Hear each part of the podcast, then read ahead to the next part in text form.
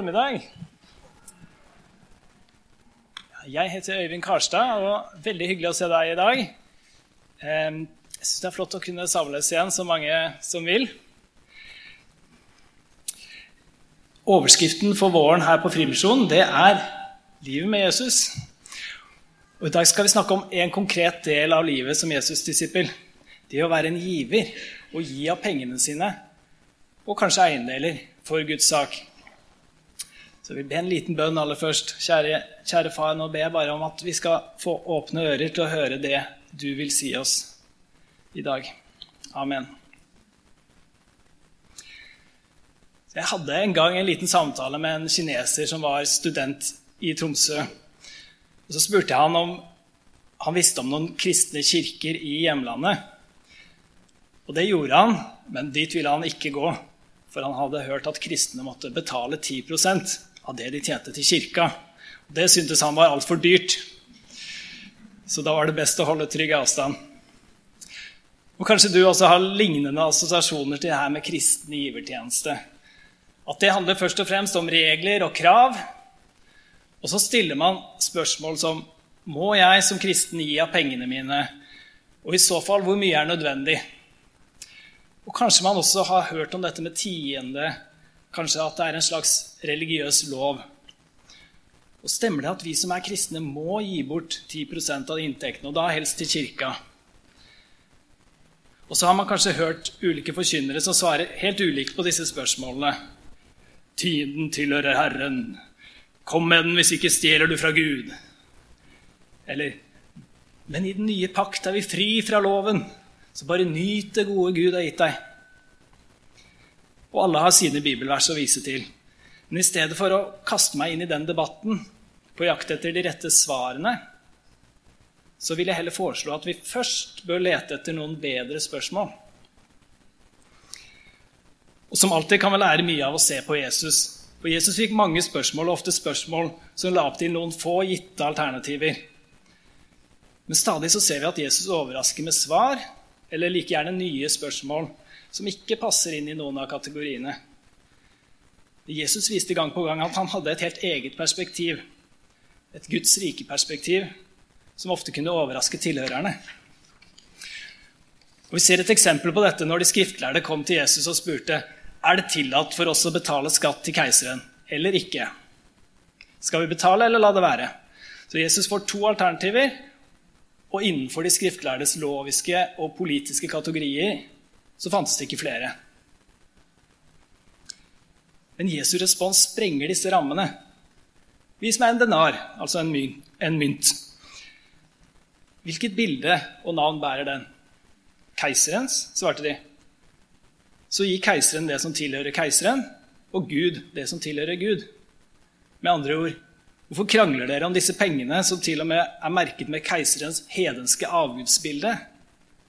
Det dere som er skapt i Guds bilde, heller bør ha fokus på, er å overgi dere selv til Gud og leve for ham. Så Jesus går her utenom de skriftlærdes alternativer, flytter fokuset bort fra lover og regler og over på den enkeltes relasjon til Gud. Så I stedet i stedet for å lykkes med å trekke Jesus inn i en politisk debatt, blir de, blir de skriftlærde møtt med en personlig utfordring til å finne bedre spørsmål å stille. Har jeg et rett fokus? Lever jeg helt og fullt for Gud i tillit til ham, eller har jeg gjort en avgud av min egen politiske eller religiøse rettroenhet? Så livet med Jesus handler ofte vel så mye om å finne de riktige spørsmålene som å alltid ha de rette svarene. Så før vi senere kommer litt mer inn på det konkrete rundt givertjeneste, bl.a. dette med tiende, skal vi først gå på leting etter noen bedre spørsmål enn spørsmål av typen 'hvilke regler gjelder', eh, eller 'må jeg gi', og 'hva er, hva er minstekravet'? På vei dit vil, jeg, vil, vi kunne oppdage noen sentrale verdier som legger grunnlaget for kristen givertjeneste, og som kanskje også vil sprenge våre rammer, slik de skriftlærde opplevde i møte med Jesus. Så da håper jeg at dere er klar for et lite bibelstudium. Vi skal lese fra 2. Korinterbrev, kapittel 8 og 9.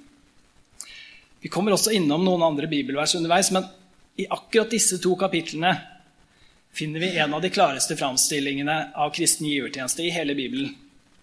Så Vi skal lese noen utdrag sammen nå, og så vil jeg anbefale dere å lese dem i sin sammenheng når dere har anledning. Paulus skriver her til menigheten i Korint om en pengegave de hadde lovet å samle inn til de fattige kristne i, Jerusalem. Og Først leser vi fra kapittel 8, vers 3-5 der menighetene i Makedonia trekkes fram som forbilder i givertjeneste. De ga etter evne, ja, over evne, og frivillig. Det kan jeg bevitne. De ba inntrengende om å få bli med på gaven tjene de hellige sammen med oss. Og de ga ikke bare slik vi håpet, men de ga seg selv, først til Herren og så til oss. Slik Gud vil det. Så vers 8-9. Jeg sier ikke dette som en befaling, men jeg nevner de andres iver for å prøve om kjærligheten er ekte hos dere. Dere kjenner vår Herre Jesu Kristi nåde. Enda han var rik, ble han fattig for deres skyld, så dere skulle bli rike ved hans fattigdom. Og så blar vi videre til neste kapittel og leser fra vers 6. Den som sår sparsomt, skal høste sparsomt.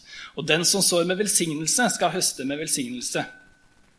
Enhver skal gi det han har bestemt seg for i sitt hjerte, ikke med ulyst eller av tvang, for Gud elsker en glad giver, og Gud makter å gi dere all sin gave i rikt mål, så dere alltid og under alle forhold har nok av alt, ja, har overflod til all god gjerning.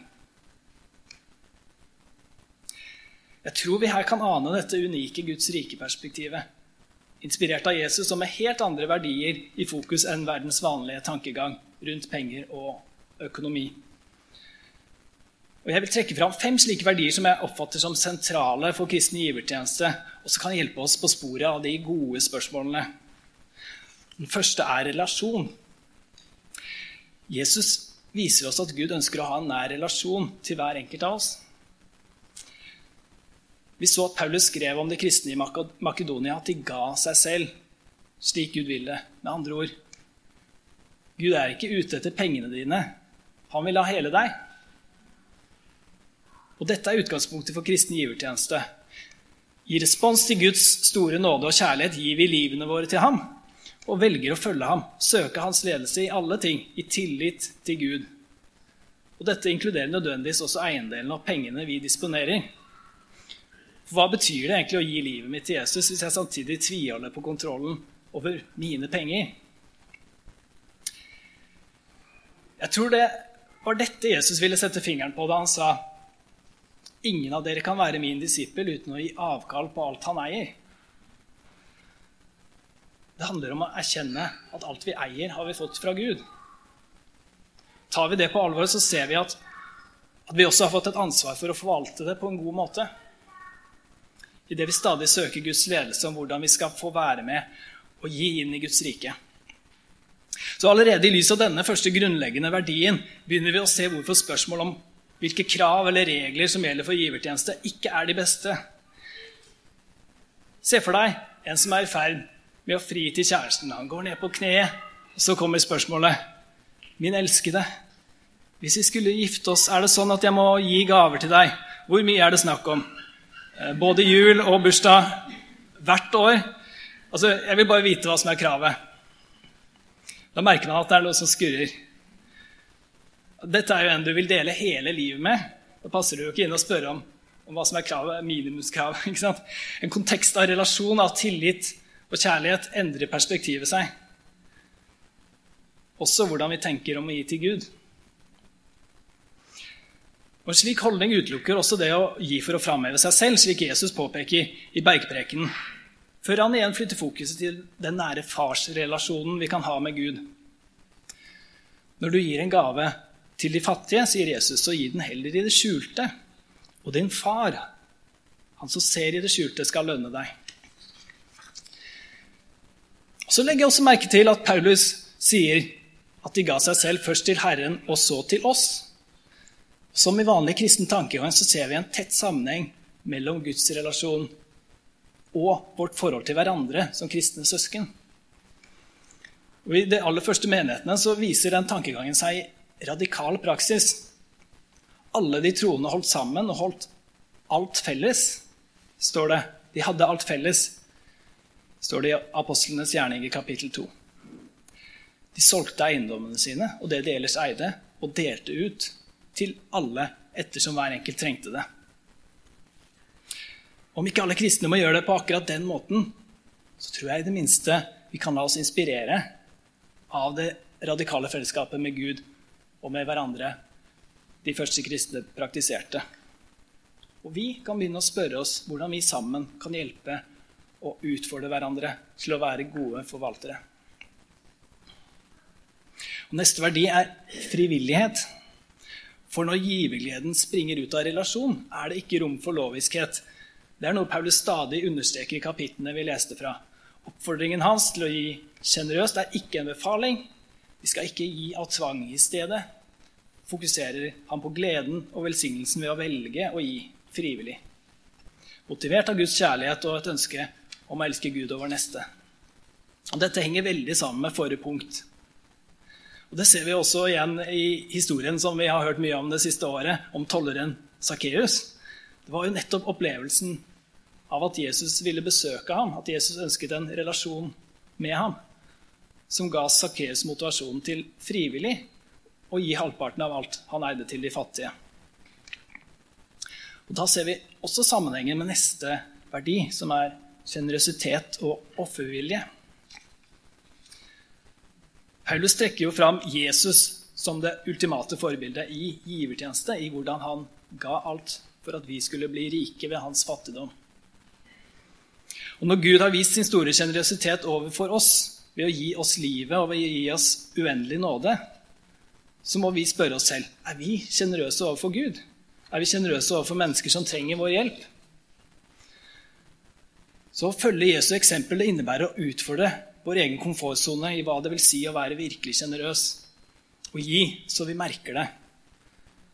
For å gjøre opp status kanskje vi kan starte med å spørre oss selv når var sist jeg lot være å kjøpe noe jeg ønsket meg, og i stedet ga bort pengene til noen som trengte dem mer?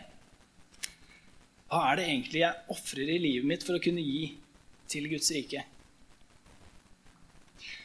Det betyr ikke at du skal ha dårlig samvittighet hver gang du bruker penger på deg selv eller, eller dine nærmeste. For det skal det også være rom for. Men for mange av oss er vel heller problemet at vi knapt reflekterer over disse spørsmålene. Da trenger vi å la Jesu eksempel vekke oss og inspirere oss på nytt. Og Johannes sier det slik.: Hva kjærlighet er, har vi lært av at Jesus ga sitt liv for oss. Så skylder vi også å gi vårt liv for våre søsken. Men den som har mer enn nok å leve av, og likevel lukker sitt hjerte når han ser sin bror lide nød, hvordan kan han ha Guds kjærlighet i seg? Mine barn, la oss elske ikke med tomme ord, men i gjerning og sannhet. Det var fra 1. Johannes 3, 16-18. Innsamlingen til de fattige i Jerusalem det blir nevnt allerede i Paulus' første brev til korinterne, der han skriver Første dag i uka skal hver enkelt av dere hjemme hos seg selv legge til side så mye som dere er i stand til, for at innsamlingen ikke først skal begynne når jeg kommer. Og Her ser vi en annen verdi som går igjen når Bibelen snakker om givertjeneste. Og det er trofasthet. I vår kultur er vi veldig opptatt av spontanitet. Skal det være ekte og autentisk, skal det helst skje på impuls.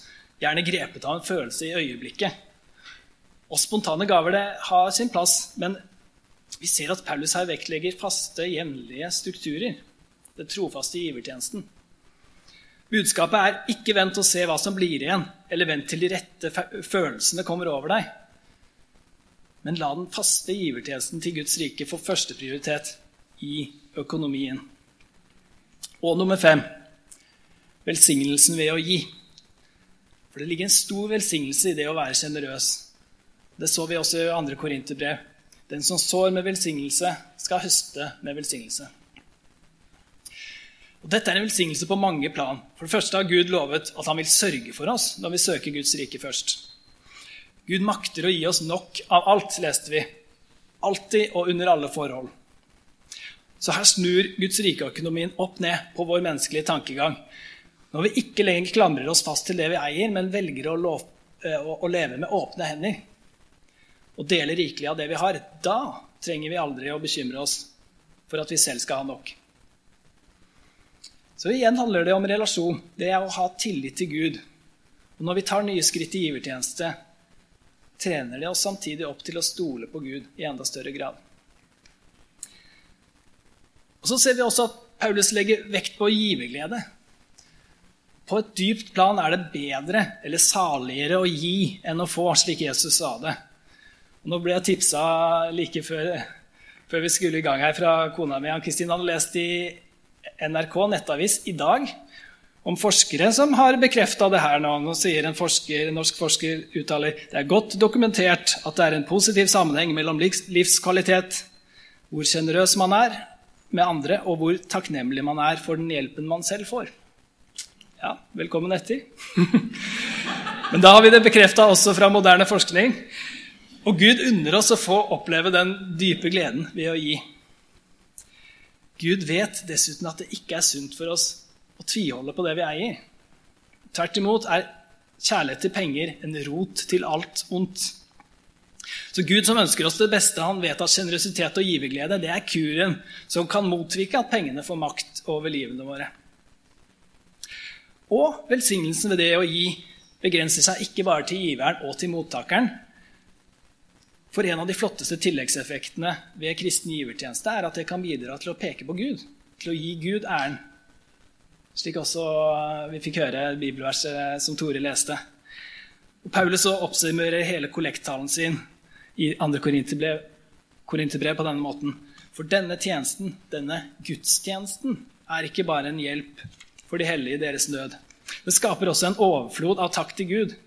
Når dere trofast har fullført tjenesten, vil de prise Gud fordi dere var lydige og bekjente dere til Kristi evangelium, og helhjerta delte med dem og med alle. Så I lys av disse verdiene og Guds rike perspektivet de representerer, så ser vi nå stadig tydeligere at spørsmål om eksterne lover og regler er malplassert i denne sammenhengen. I stedet kan dette perspektivet hjelpe oss å finne bedre spørsmål, som f.eks.: Gud, hvordan vil du at jeg skal forvalte pengene du har gitt meg? Er jeg sjenerøs overfor Gud? Hvordan kan jeg i den nærmeste tida trene på å være sjenerøs? Kanskje mot noen som er i nød? Hvilke jevnlige rutiner og strukturer kan hjelpe meg å være en trofast giver. Hva kan jeg avse av det jeg bruker penger på i dag, så jeg kan gi bort mer? Og Felles for, disse spørsmålene er at ingen av dem har ett fasitsvar som gjelder for alle kristne. Svarene vil gjerne være forskjellige fra person til person, og for den enkelte kan også svarene endre seg over tid. Derfor er det viktig at vi lever i disse spørsmålene. Og dette er krevende spørsmål å leve i, ikke minst i vårt pengekjære forbrukersamfunn. Da vil det være til stor hjelp å være flere sammen om det, at vi har kristne rundt oss som vi har tillit til, og som vi tør å snakke åpent med om økonomi og givertjeneste, så vi kan hjelpe hverandre videre på dette området. Og Som en hjelp, hjelp på veien vil jeg avslutte med å foreslå noen helt konkrete tips eller praksiser som kanskje kan være nyttig for å komme i gang med givertjeneste eller ta nye steg på området.